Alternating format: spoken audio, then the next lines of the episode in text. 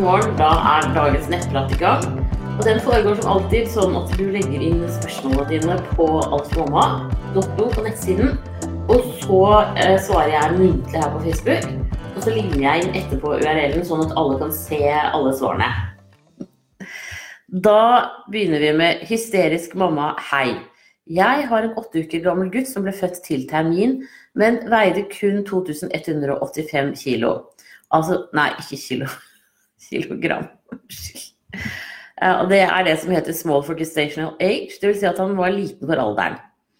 Da jeg hadde en litt dårlig morkake, vaskulær malperfusjon Han vokste fint og følger vekstkurven og utviklingen til de andre normale barna. Men vi har nå hatt fire tilfeller hvor han enten gulper eller har tykt slim som jeg tror setter seg fast i halsen, slik at han ikke får puste. Han får full panikk, blir helt stiv og kaver. Første gang det skjedde, ringte vi 113, som ikke fant noe galt da lungene var klare og da han virket frisk og fin. Nå Siste gang det skjedde, hadde jeg båret han i bæremeis mens han sov, og jeg gjorde litt lett husarbeid. Jeg la han ned i sengen siden han fortsatt sov. Etter ca. ti minutter bråvåknet han i full panikk og fikk ikke puste. Jeg snakket rolig til han, og omsider fikk han presset ut et svakt hyl, men ikke pustet inn igjen. Dette skjedde fire-fem ganger før det løsner, og han fikk gråte ordentlig med både inn- og utpust. Jeg syntes da at han var litt blå på tungen. Hele seansen tok vel 30 sekunder til ett minutt. Kan det være en form for allergi, epilepsi, eller er dette rett og slett helt normalt? Jeg synes det er så forferdelig og fortvilende å være vitne til. Han er mitt første barn, og jeg vet ikke helt hva jeg kan forvente av en baby. Kan en baby dø av å ikke få opp slim og gulp? Kan luftrøret bare klappe sammen? Han har hostet litt skrapet en stund og har litt surklete pust med pipelyder, men som oftest helt vanlig respirasjon. Eh, jeg syns jo at du skal ta babyen din til en lege. Jeg tenker at det sikkert ligger innafor normalen, men sånne ting skal alltid sjekkes. Sånn at eh, jeg syns at, eh, at, du kan jo ringe fastlegen i dag, og eventuelt få en akuttime. Og så kan du Eller at du kan få en time i romjula.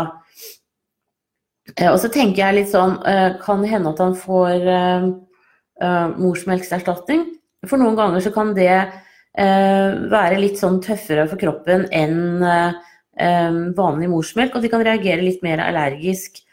men da skulle han egentlig kanskje ha kastet opp mer og sånn, men jeg tenker i forhold til at det er litt sånn slimete og sånn. Så jeg syns at du absolutt skal få en lege til å se på dette. Det, det er viktig. Um, men høres, altså det høres jo ut som at han, han, får jo igjen pusten. Det du kan prøve, er å gi han et godt dunk bak på ryggen. Uh, og det går jo fort over. Men det er klart at for han så er jo det sånn som du sier, at det er, ser ut som det er litt sånn angstfylt. Og da tenker jeg at, um, at dette, dette, bør dere sjekke. Um, definitivt. Uh, er, disse små babyene gjør mye rart. altså det er Graviditeten er mye rart som skjer.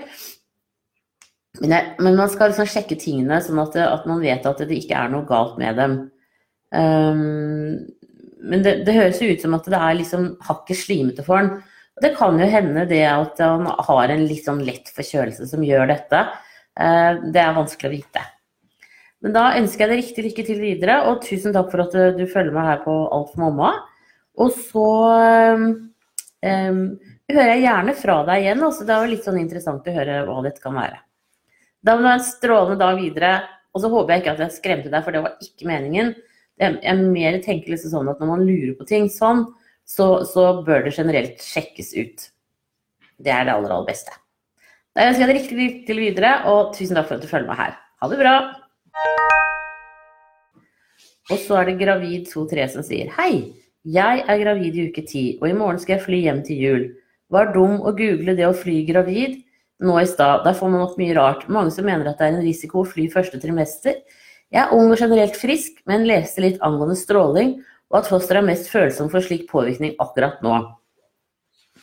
Bekymrer meg unødig, unødig nå. Er det noen risiko ved å fly fra Tromsø til Oslo i uke ti? God jul! Nei, det er ingen risiko der i det hele tatt. Eh, for stråling, at stråling det er det som skjer på de lange eh, turene over Atlanteren. Da flyr man såpass høyt at da kommer man litt sånn nærmere solstrålingen. Og jeg tror at sånn Altså, de setter flyvertinnene på bakken, men det er jo fordi at de Uh, rett og slett uh, er mye i lufta. Mens en sånn tur Danovan, det altså, er jo ikke så skadelig. Men du skal i hvert fall ikke over Atlanteren, så derfor tenker jeg det var ikke noe å bekymre deg for. Uh, det du kan passe på, er at du beveger beina dine litt. At du liksom tar foten sånn opp og ned. Drikker rikelig mens du flyr. Gjør sånne ting som det. Det er, eh, det er, fornuftig i forhold til blodpropp, for det er du litt mer utsatt for å få når du er gravid og flyr. Det er man generelt mer utsatt for som gravid, men det å sitte stille, og det gjelder også om du skal kjøre bil i seks timer, så kan det være lurt også å ta noen stopp og, og drikke rikelig Sånn at man på en måte holder hele sirkulasjonen i gang. Så dette behøver du ikke å bekymre deg for i det hele tatt. Kos deg masse i Tromsø. Det blir sikkert en magisk jul nå når du er gravid og i det hele tatt. Så da må du ha en strålende dag videre. Ha det riktig bra. Og så er det andregangs som sier Hei, Siri. Tusen takk for en flott side. Jeg er andregangsfødende og er i dag 34 pluss 0. På tirsdag var jeg hos jordmor, hun kjente etter om hodet var festet, noe det ikke var. Men etter jeg var der, har jeg hatt mye kynnere, nedpress og smerter i symfysen, bestående av stikninger og stråling. Betyr dette at jeg kan komme til å føde før tiden, eller gjør kroppen seg klar? Min første kom en uke etter termin med igangsettelse, så hva er sjansen for at nummer to kommer tidligere? Tusen takk for svar. Nei, det kan du si. Det er veldig vanskelig å si om nummer to kommer når nummer to kommer. Det tror jeg vi bare får slå fast. Eh, og så er det sånn at eh, litt sånn stress og sånn kan noen ganger sette i gang. Men jeg tror at det med deg nå, det er at hodet er på vei ned i bekkenet. Eh, og da er det akkurat som at livmoren har litt sånn økt aktivitet en ukes tid når maven synker. Så hvis du ser deg i speilet nå så følger med eller tar et bilde hver dag, så vil jeg tippe at du vil se at maven nå synker, og at babyens hode er i ferd med å gå ned i bekkenet. Eh, det er helt eh, normalt. Det er ikke alltid at det fester seg for en flergangsfødende, men noen ganger så kan det også gjøre det.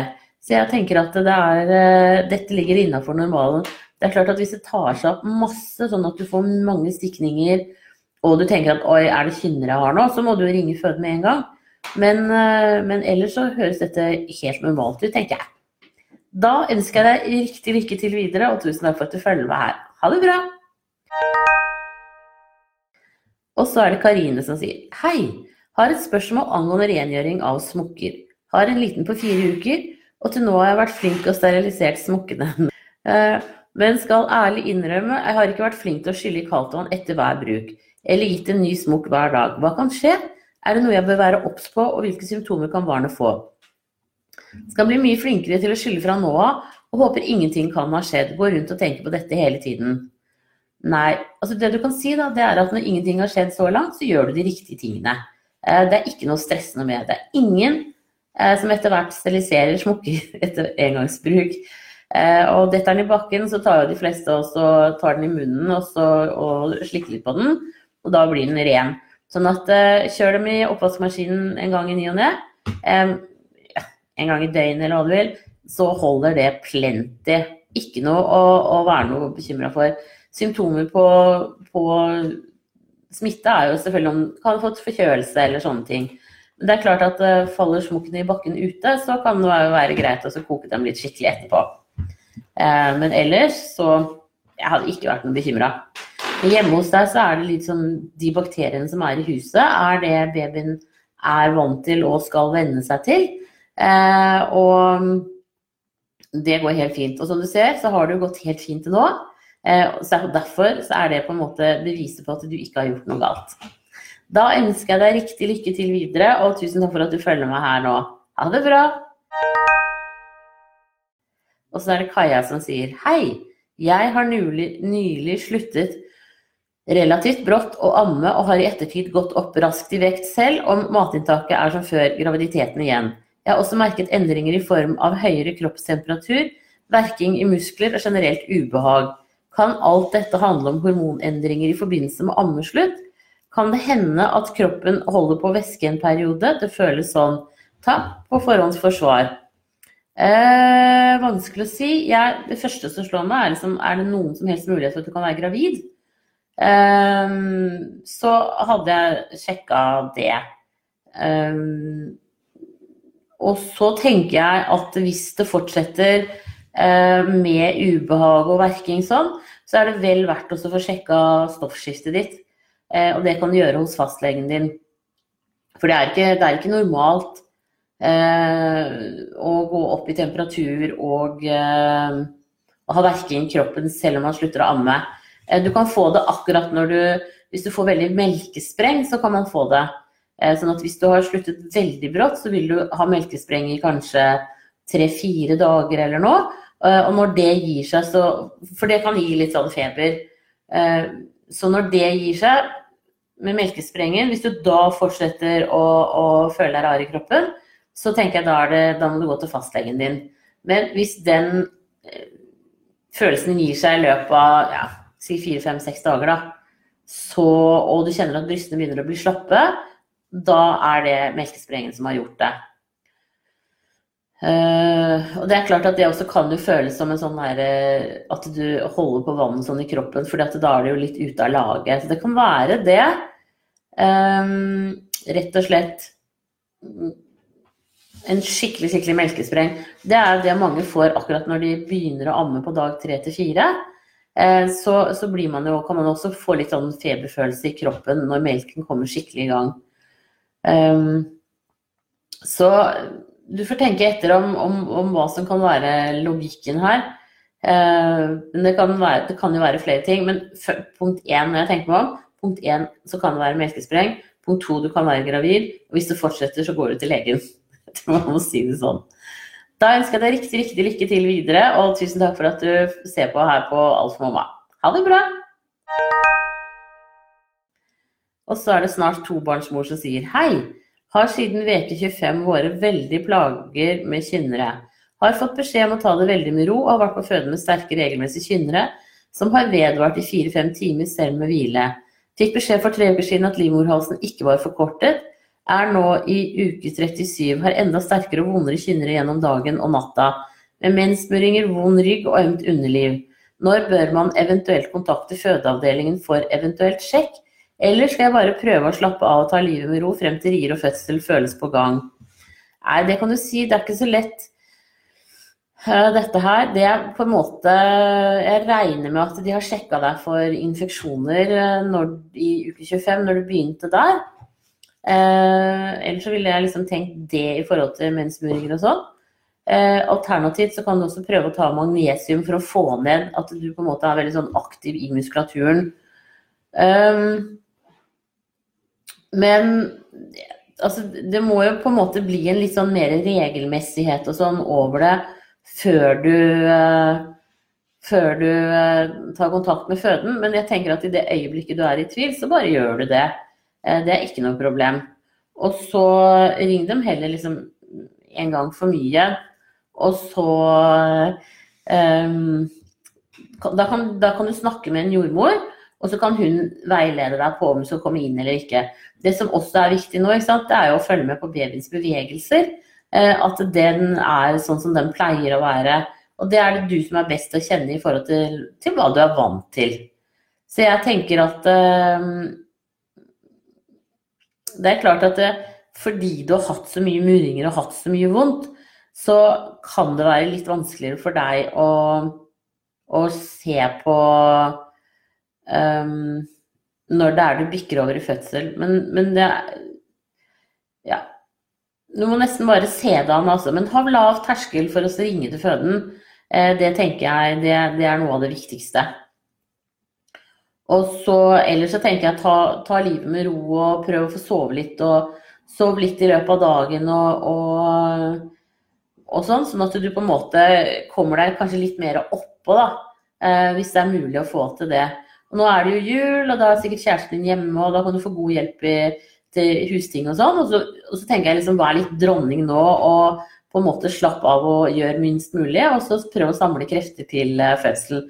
Og så får vi krysse fingrene for at den urken snart har tenkt å komme ut.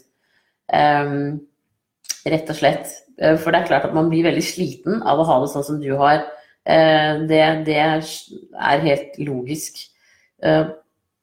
Det er mange som ikke tenker så mye på det, men det å gå og ha en del, sånn god del kynner og murringer hele tiden, det er ganske sånn tappende for krefter. Uh, og da er det viktig å få sovet mest mulig og slappet av mest mulig der man kan. Mm, tenker jeg, da. Men da ønsker jeg deg riktig lykke til videre, så får vi håpe at du snart har et nurk i armene om ikke så altfor lenge, i hvert fall. Kan jo være greit å få unna julaften så man ikke føder på julaften. Det, det gjør jo ingenting. Det er en litt dum dag å føde på. Sånn feiringsmessig senere med bursdager og sånn. Da ønsker jeg deg riktig lykke til. Ha det bra. Og så er det førstegangsgravid som sier hei. Jeg er gravid i uke 14 og er fryktelig engstelig. Jeg klarer ikke å nyte graviditeten fordi jeg er så redd for at noe er galt. Vi har sjekket på ultralyd for ikke lenge siden, og alt ser bra ut med babyen. Men allikevel dukker det opp bekymringer hele tiden. Jeg syns det er vanskelig med graviditet fordi jeg ikke har noen kontroll og pekepinn på hvordan det går. Jeg tror det, det blir lettere med en baby, for da kan man se han henne og følge med på om det går bra. Jeg er veldig redd for listeria og syns det er vanskelig med mat, fordi det tydeligvis kan oppstå i veldig mye forskjellig. Det er også skummelt fordi man kan, slik jeg forstår det, bli smittet uten å merke noe som helst. Jeg følger selvsagt de retningslinjene som er gitt, men allikevel blir jeg ofte bekymret etter å ha spist. Jeg er nå også veldig bekymret fordi jeg har gått med klær og undertøy som har strammet for mye. Det er noe jeg merker etter en liten stund, og har ikke alltid mulighet for å skifte med en gang da. I går hadde jeg på en truse som strammet der jeg tror livmoren er nå. Og jeg fikk en sånn rød strek over magen. Kan det ha skadet fosteret på noen måte? Bør jeg ta ultralyd nå for å sjekke dette? Noen ganger tar jeg meg selv i å sitte anspent med mavemusklene. Det kjennes i hvert fall sånn ut. Når jeg merker dette, prøver jeg å slappe av. Kan det at jeg spenner musklene være litt skadelig? Jeg har fått beskjed om at jeg sannsynligvis har morkaken delvis foran og delvis på venstre side. Er det da farlig for meg å ligge på venstre side? Jeg prøver å gjøre det meste, men må noen ganger snu meg over på høyre gjøre det mest, men må noen ganger snu meg over på høyre side, for jeg blir stiv av å ligge på samme side lenge.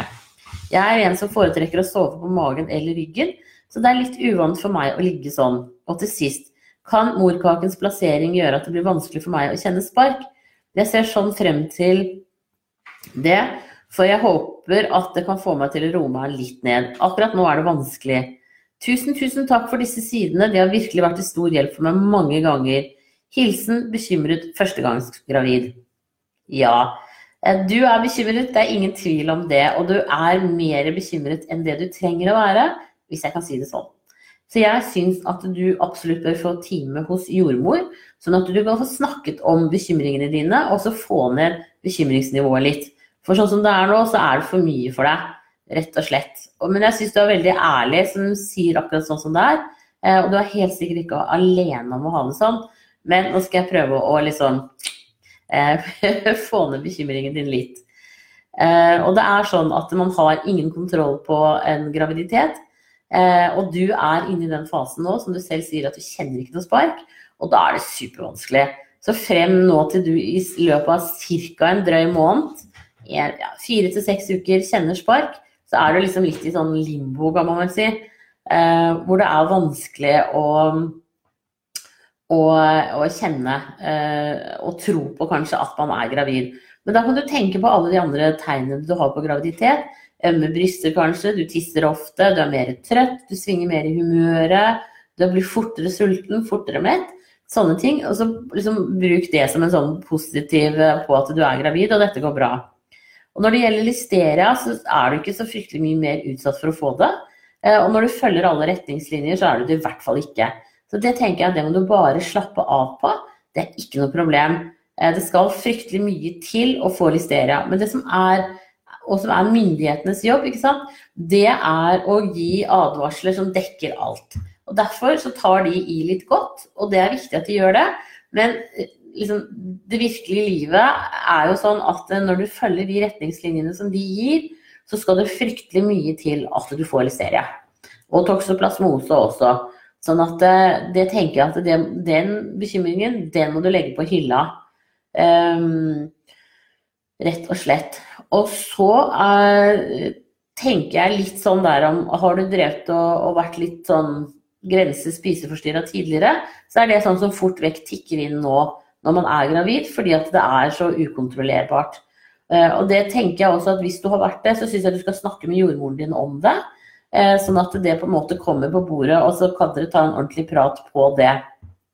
Det vet ikke jeg om du har, Men, men sånn som jeg tenker liksom Når jeg leser ditt spørsmål, hele spørsmålet ditt, så ringer det liksom noen sånne liksom varselbjeller hos meg på at du er en som sliter litt mer enn det folk flest gjør.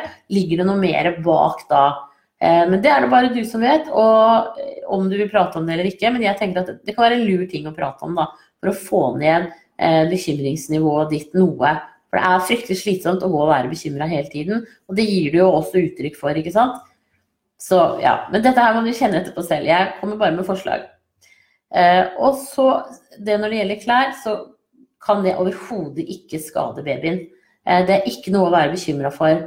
Nå har du en liter ekstra med vann ute i kroppen, som er et sånt eh, reservoar for kroppen hvis du skulle få en stor blødning. Så trekker den først inn vann fra fingre og tær og, og sånn til, til, de indre organene for å gjøre det om til blod. Um, Sånn at du har en reserve. Men det gjør at du mye lettere får merker etter stramme klær enn det du gjør ellers. Og I tillegg så finnes det ikke stramme nok klær til at det kan skade babyen. Men, men, øh, men, det ser nok verre ut enn det på en måte også faktisk er, øh, tenker jeg. Uh, det at du sitter og spenner magemusklene, andre muskler, ikke noe problem i det hele tatt. Det er klart at det er kjempebra at du blir klar over det, at du da slapper av. Det tenker jeg er veldig lurt. For det å sitte og være anspent hele tiden, det blir man jo også litt sliten av. Så det er helt superfint at du tenker over det. Og det at du har morkaken delvis foran og delvis på venstre side, den vil nok trekke seg oppover etter hvert som livmoren vokser. Så det, sånn som du beskriver det nå, så tenker jeg at det behøver ikke ha noe å si for sparkene. Men, men øh, det er klart at hvis den liksom drar seg foran, men som regel så drar den seg liksom opp, sånn rett oppadstigende linje, da. Det er ikke noe sånn at den liksom eh, går eh, sirkulært på noe vis. Så jeg tenker at, eh, at, den morkaka di, det kommer til å ordne seg, og du kommer til å kjenne spark. Eh, for det er masse mer av livmoren hvor babyen kan sparke. Og det blir jo veldig hyggelig. Og I begynnelsen så er det sånn når sparkene kommer, at du kan kjenne kanskje noen ene dagen. Og så kan det gå en uke eller to før du kjenner noe igjen. Så ikke vær noe bekymret for det. Regelmessige spark kjenner man ikke før etter uke 28. Og noe ordentlig sånn system på det blir det som regel ikke før i uke 32-aktig, når babys hode går ned i bekkenet. Eh, for da ligger den mye likere. Ellers så, så flyter den jo rundt, og da eh, får man spark overalt. Og tusen takk for at jeg kan hjelpe deg. Eh, det er veldig hyggelig at du følger meg her på Alfa mamma og Jordmor Siri. Eh, så bare fortsett å spørre. Jeg har tenkt å prøve å få til en nettprat i romjula også. Eh, så da må du bare spørre igjen, vet du. Men gå og få en time hos jordmor og prat om at det at du er litt bekymra, det tenker jeg er bra for deg. Da ønsker jeg deg en riktig, riktig god jul. Kos deg med julemat. En som du ikke skal spise, er rakfisk. Eh, eller så kan du spise det meste. Da må du ha en god jul. Ha det bra.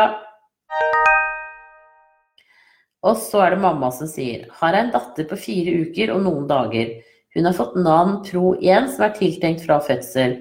Hun har på kveldene den siste tre til fire dagene hatt mye luft i magen, fise og raper, fått noen nuppete rødt utslett i fjeset og gulper litt ekstra mye og spyr gjerne ut det hun har spist og er sulten med en gang. Hun har gul, løs avføring i dag, Kjøpte D-dråpen som skal være melkesyrebakterie, og prøvde meg på Nan Silak eller hva den heter nå igjen. Kan hun være allergisk mot melken? Hun sover godt, men er, men kveld, men er kveldene dette mønsteret med gråt, luft kommer og spesielt samme tid.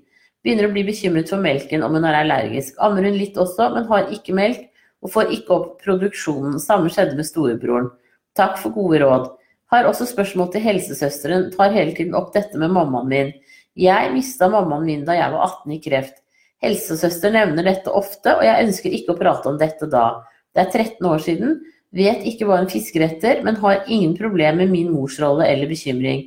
Jeg har familie rundt meg, og jeg snakker med og ønsker å snakke med dem, ikke med helsesøsteren min, som ikke kjente min mor. Flott hun spør, men hun spurte med storebror på fem og fem år. Etter kom lillesøsteren og tar dette opp igjen kan jeg fortelle henne at dette er noe jeg snakker med familien om. Hvis det er noe jeg tenker på, hvis det er noen som jeg tenker på, eller gode venner. Jeg syns det er grusomt å få det slengt i fjeset hver gang. God jul og godt nyttår. Ja, jeg tenker at uh, Nå er ikke jeg så veldig inni dette her med navn og når du skal skifte. Men hvis hun har hatt veldig mye luft i magen de siste dagene, og du nettopp har skiftet, så kanskje gå tilbake til den første som du ga. Uh, det tenker jeg kan være lurt, bare sånn at hun på en måte får orden på maven igjen. Og så kan du kanskje ta en sånn sakte introduksjon in, Nei, introduksjon med, med den nye navnen, eller prøve et annet merke. Men det tenker jeg det kan hjelpe deg med på apoteket.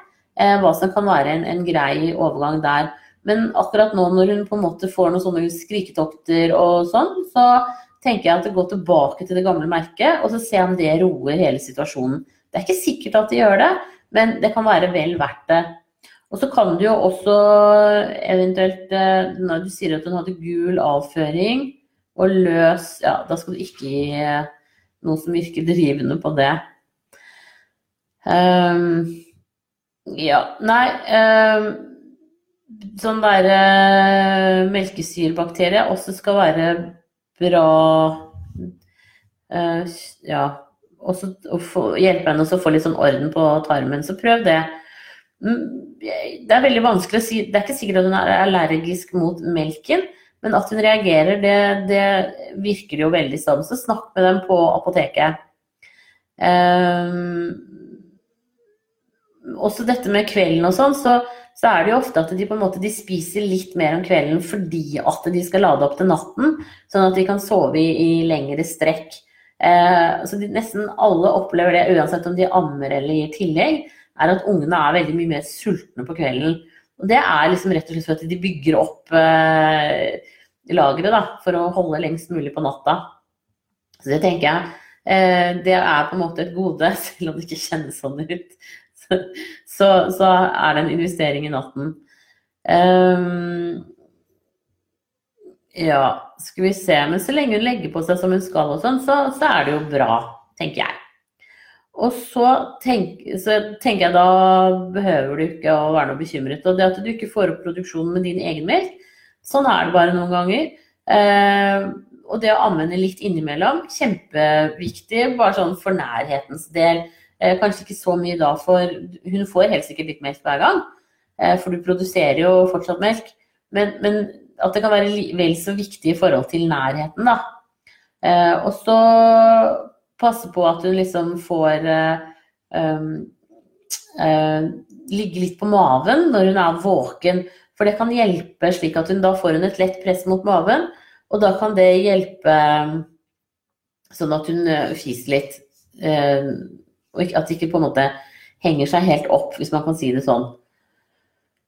Uh, og det å holde henne selvfølgelig opp, på skulderen og klappe henne litt på rumpa og sånn, for å få opp uh, luften, det kan også være bra. Du kan sikkert alle disse triksene i boka. Men uh, jeg tenker at man må bare prøve seg litt frem her. Også, også, men jeg tror det viktigste tiltaket de gjør, er å gå tilbake til den gamle morsmelken, nei, gamle morsmelkserstatningen, eh, som hun da eventuelt ikke reagerte så kraftig på. Og så når det gjelder helsesøster, så syns jeg det er helt greit å si fra. Hvis hun tar det opp hver gang, det er ikke bra. Da tenker jeg at en gang, det holder lenge. Eh, og særlig når du begynner å føle deg litt sånn uh, ubekvem på det, uh, så bare sier du fra til henne at vet du hva, dette, sånn som du sier her, dette snakker jeg med venner og familie om, eh, og jeg har det helt fint med det. Eh, og det tenker jeg det må hun respektere. Mm, det gjelder jo alle i helsevesenet. Altså sånn der, eh, Har de spurt én gang, og du har gitt dem et godt svar, så må de roe roen på det, altså. Man kan ikke liksom bare fortsette å presse. Så det tenker jeg. Bare vær tydelig. Si ifra at vet du hva, har det helt fint med det, ikke noe problem. Um, for jeg er helt enig med deg at uh, helsesøster har ikke, ikke, i utgangspunktet noe med det å gjøre. Når du har et uh, annet sted hvor du kan snakke om dette når det passer deg. For det er jo sånn med sorg at det er jo ikke noe man snakker om på eh, kommando, men det kommer innimellom i bølger, og det gjør det gjerne gjennom hele livet. Men, men til forskjellig tid og, og sånn. Og det er klart at ja, når man akkurat har fått barn selv, så er man i en mer sånn sårbar fase. Eh, men, men eh, fortsatt så tenker jeg liksom ja, det kommer i bølger. Eh, og det er sånn det er. Det er sånn vi gjør en normal sorgbehandling i livet vårt. Eh, tenker litt på vedkommende, savner dem litt, og så glir det bort igjen. Og så kommer du igjen noe seinere òg. Ja, sånn er det bare. Eh, så jeg tenker at jeg, jeg syns jo det høres ut som du har et veldig sunt forhold til det at moren din døde, og at du takler det veldig bra. Men da ønsker jeg deg riktig, riktig lykke til videre. Eh, og, og, så fortell om det hjelper å gå tilbake til den gamle navnen. Da ønsker jeg deg en strålende dag videre. Ha det bra! Og så er det Renate som sier Hei, har du noen tips for å takle angst for kolikk? Sønnen min er snart fire uker og hadde en gråtetokt på seks timer forrige uke og fire timer i kveld. Ellers har han grått lite. Jeg har vokst opp med skrekkhistorier om kolikk og er så redd for at det er det han har. Um, nei, jeg tror ikke han har kolikk. Dette har vært to tilfeldige hendelser. Uh, det som kan hende, er at det er noe mat av det du spiser som han reagerer på. Og det kan være kjempevanskelig å finne ut av. Uh, men du må prøve å tenke etter. Hva var det du spiste den dagen han hadde en gråtetokt på seks timer? Og hva var det du spiste i går, i går som kan være den samme matvaren? Eh, for det er sånn at tarmen til babyen er ikke alltid eh, helt ferdig, eller det er den jo ikke. Eh, sånn at de kan reagere på helt forskjellig mat. Så jeg hadde en som reagerte på hvitløk, og han andre han reagerte på parmesanost av alle fantastiske ting. Det tok meg litt tid å finne ut det. Og da prøver man den matvaren som man tror kanskje liksom kan utløse noe, en gang til, og så ser om det er det. Og så holder du deg unna den matvaren i kanskje to-tre måneder til før du prøver det igjen. Um, så jeg tenker at, at, det er det som har skjedd her. Uh, og som sagt, det kan være vanskelig å finne ut av hva det er, men umulig er det ikke. Så, så prøv det. Uh, jeg tror ikke dette her er kolikk. Uh, vi krysser fingrene for at det ikke er det. Da ønsker jeg deg riktig lykke til videre, og tusen takk for at du følger med her. Ha det bra! Og så er det Redd som sier hei. På tirsdag begynte jeg å kjenne en slags krampe under brystene, midt på magen cirka. Føltes ut som kramper som kom og gikk. Varte i et par sekunder, og iblant så rumler det litt i magen, så gikk det over. Fin i formen ellers, men kun disse krampene som gjør litt vondt. Så natt til torsdag våknet jeg med en smerte på venstre side rundt ribbeina, føltes det som. Varte i 15 minutter før det ga seg. Så gikk jeg til legen, og der fikk jeg påvist blod i urinen 2 pluss. Er det tegn til påbegynt spontanabort? Kan alt dette ha en sammenheng? Fastlegen mente jeg kanskje hadde fått strekk i ribbeina og magen. Jeg er 16 pluss 3 på vei og er livredd. Ja, det trenger du ikke å være. Jeg tenker kanskje at du kan ha hatt noen nyresteinsanfall eller noe sånt noe aktivt. Noen nyregrus som du har kvittert siden du hadde pluss to eh, med blod i urinen. Eh, og det, man er litt mer utsatt for å få det når man er gravid, fordi at eh, urinveiene går tregere. Sånn at pass på å drikke rikelig. Eh, og så særlig på sånne dager hvor man drikker for lite, så kan, så kan det bli litt sterkere. Og det er en sånn typisk sånn at du får smerte på én side. For da er det i den venstre nyra at det har satt seg litt. Vanligvis så kjenner man det på en måte litt sånn bak på flanken, men det kan godt være sånn at det ligger og stråler litt eh, rundt ribbeina. Så pass på å drikke rikelig nå gjennom jula, og så tenker jeg at eh, får du det igjen, så kan de jo sende deg på, på en undersøkelse for å se om det kan være eh, en, noe nyregrus som du kvitterer. Men en spontanabort er, eh, kan jeg ikke tenke meg at det er mm, da du er 16 uker på vei. Det, det, hadde ikke kjentes sånn ut i det hele tatt. Så det tenker jeg ligger innafor normalen. Det kan også ha vært at du har hatt litt mye gass i tarmen. Eh, for det kan også gi sånn veldig kolikksmerter. Eh, og det kan også være helt sånn at man tenker at nei, nå Ikke at du dør akkurat, men at det er veldig vondt. Så, så, jeg tenker at dette her, her, kan ha med tarm og urinveier å gjøre, mer enn at det egentlig har med graviditeten din.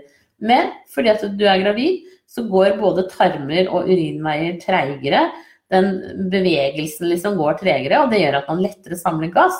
Og at man faktisk også lettere kan få litt sånn nyregrus og sånn. Så det tenker jeg, så det kan du dis diskutere hvis du får det igjen. Så kan du diskutere det med, med fastlegen din, om, om, det kan være det.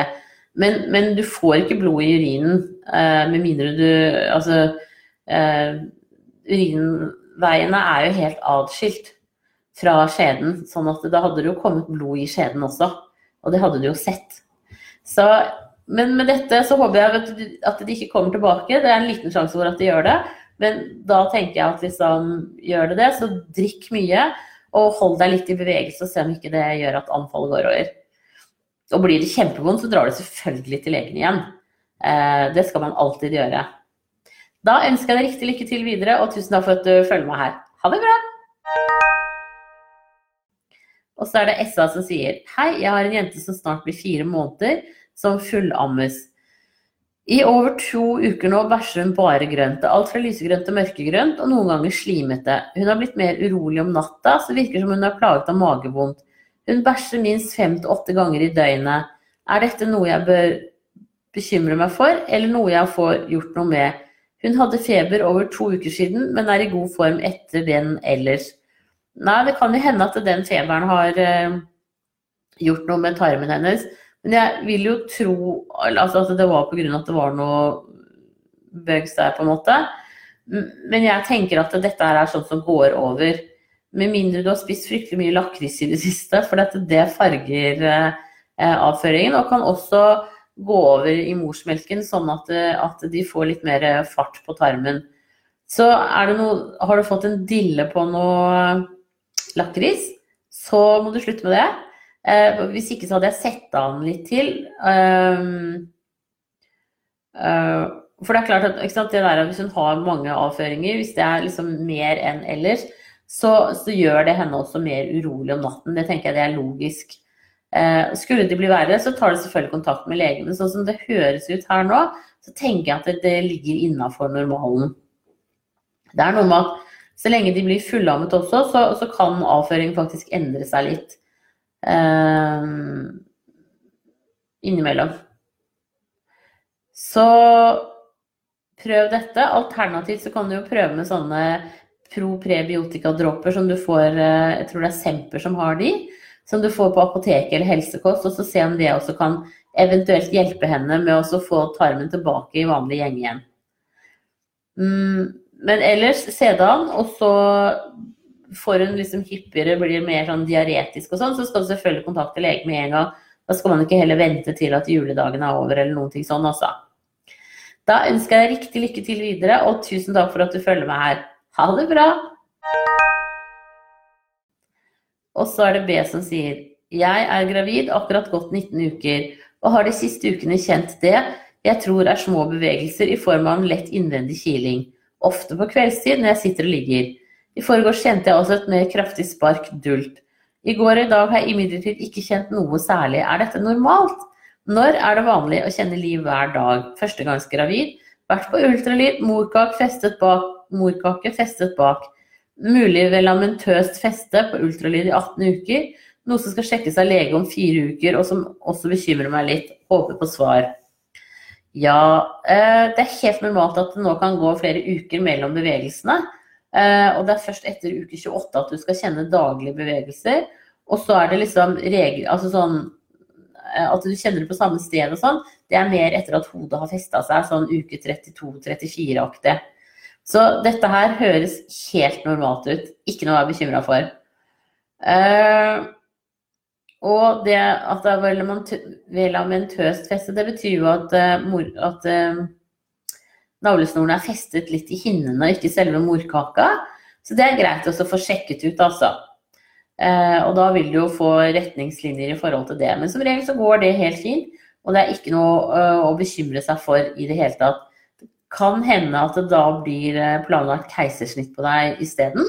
Men det kommer helt an på, på hva de gjør på, på det funnet. Men uh, i utgangspunktet helt ikke noe å være noe fryktelig bekymra for. Ehm, det, det er liksom mest farlig uh, når det er fødsel. Men du vil selvfølgelig bli fulgt opp med ultralyder videre, også for å se at babyen da legger på seg som den skal, og, og sånne ting som det. Uh, men vi satser på at, at, den ikke er det. det enkle, alt som er normalt, er jo det enkleste. Samtidig så er det jo mye som er forskjellig og uvanlig med graviditeter. Men da eh, Artig å høre fra deg igjen om hvordan det der eh, blir videre, og hvordan de tenker å følge opp i så fall, hvis det er velamentøst feste. Da må jeg skrive en artikkel om det. Da ønsker jeg deg en riktig, riktig fin dag videre, og tusen takk for at du følger med her. Ha det bra! Og så er det blodprøve som sier Hei, min datter ble født i 2016. På sykehuset tok de en blodprøve av henne i hælen. Hun har fortsatt et lite rødt arr under huden etter denne blodprøven. Ser ut som det er blod, men er usikker. Lurer på om dette er noe vi burde undersøke. Er det vanlig med slike arr etter blodprøver i hælen? Takk for svar. Ja, vet du hva, nå har jeg akkurat gått på sånn blodprøvetakingskurs, eh, og det er det. Eh, sånn at de mye De liksom jobber veldig med å være forsiktige når de stikker. Eh, men det er nok mange babyer rundt omkring som egentlig har et bitte lite arr på hælen. Det er ikke farlig. Det kan noen ganger være ømt når de skal begynne å gå og sånne ting. Men skal vi se, hun er da to år nå, så hun har sikkert begynt å gå. Eh, så jeg tenker at det, det ligger, det ligger innafor normalen. Eh, men det er klart at det kan ja, at det er litt spesielt da når du ser det enda. Så det kan godt hende at det er som du sier, at, at det kan være litt sånn et blodkar som røk eller noe. Litt sånn som når man får Det får man jo etter hvert også under huden når man blir eldre. Eh, men det er ikke noe farlig, i hvert fall. Det kan jeg ikke tenke meg. Da ønsker jeg deg riktig lykke til videre, og tusen takk for at du følger med her. Ha det bra! Og så er det julenøtt. Hei, igjen, Siri. Jeg skrev til deg tidligere i uken angående en veldig kort mens 1,5 dag bare med veldig lite blod, og du anbefalte flere tester. Negativ test og negativ HCG 18.12. Og test nå negativ 21.12. Jeg skjønner virkelig ikke hva som foregår. Jeg skjønner at jeg som prøver kan innbille meg ting, men jeg må tisse mer, er mer sliten, er veldig avhengig av en dubb på ettermiddagen for å klare dagen, og mye mer emosjonell, for ikke å snakke om den konstante murringen siden 29. i 11. Jeg bruker også å ha mye slim i dagene før eggløsning. Bruker faktisk å bli ca. åtte dager med slim. Men nå er jeg knusktørr, til tross for at jeg skal, egentlig skal ha eggløsning nå i morgen. Men igjen, testene er negative, og det er nå elleve dager siden denne mensen. Jeg utviklet sent HCG med sønnen min, men nå burde det vel slå ut. God jul! Vet du, jeg tenker at eh, jeg fortsatt holder jeg en knapp på den kroppen din, altså. Og, signalene den gir. Jeg syns jo du beskriver gode graviditetstegn her. Eh, så jeg hadde ikke helt avslått at du faktisk kan være gravid. Og det samme, særlig når du da sier at du utviklet sent HCG med sønnen din, så, så tenker jeg at det kan være noe eh, veldig vanskelig dette her. Altså, det skjønner jeg. skjønner jeg at når man er liksom i den prøvefasen, og du gjerne vil liksom ha avklart om du er gravid eller ikke, og kanskje særlig nå i jula hvor man kunne tenkt seg å ha drukket bitte litt alkohol, så ja. Nei, vanskelig altså. Jeg tenker at du må bare se det an litt til, jeg. Ja. Eh, og så teste deg på morgenurin igjen nå. Selvfølgelig skal vi se, nå skal du ha eggløsning nå i morgen. Du kan jo se om det skjer noe med kroppen din da. Eh, men eh, Nei, jeg hadde på en måte holdt en liten knapp på at du kunne være gravid. Eh, kunne det være sånn at du kan du overhodet være mer enn tolv uker på vei? For da slår ikke graviditetstestene ut lenger. Eh, det kan også være en, en, faktor, men så vidt jeg husker så hadde du en ordentlig mens eh, før denne litt rare mensen, sånn at eh, Vanskelig å si. Dette her er ikke lett, altså. Eh, vi får bare krysse fingrene, og du får knaske gravide vitaminer. Og så hører jeg gjerne fra deg igjen. Dette her blir jo en sånn der eh, føljetong. Eh, da må du ha en riktig, riktig god jul.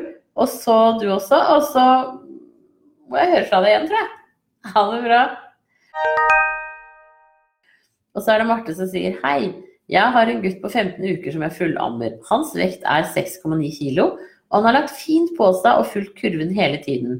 I flere uker har han våknet to ganger om natten for å spise, og det har fungert fint.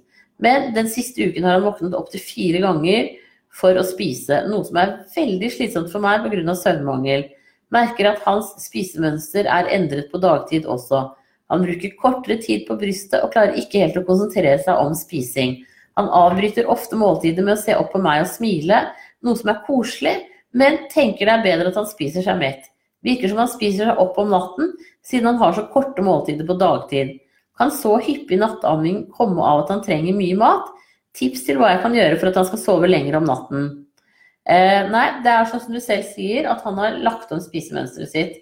Eh, og da tenker jeg at kan du overhodet greie å få han til å spise mer om dagen, så er det en innertier, altså. Eh, eventuelt heller tilby han oftere puppen. Selv om, fordi han, han, er nå liksom ferdig med eh, det fjerde trimesteret sitt og er blitt mer utadorientert. Eh, så han følger jo da med på det som skjer rundt ham, og lar seg lettere distrahere om natten. Så er det rolig, mørkt. Eh, da er det bare han og deg, da er det ikke noe som distraherer. Så jeg tenker at du burde prøve å tilby han puppen litt oftere på dagtid. Eh, og også gjøre det, altså sett dere inn på soverommet eller sett dere i ro.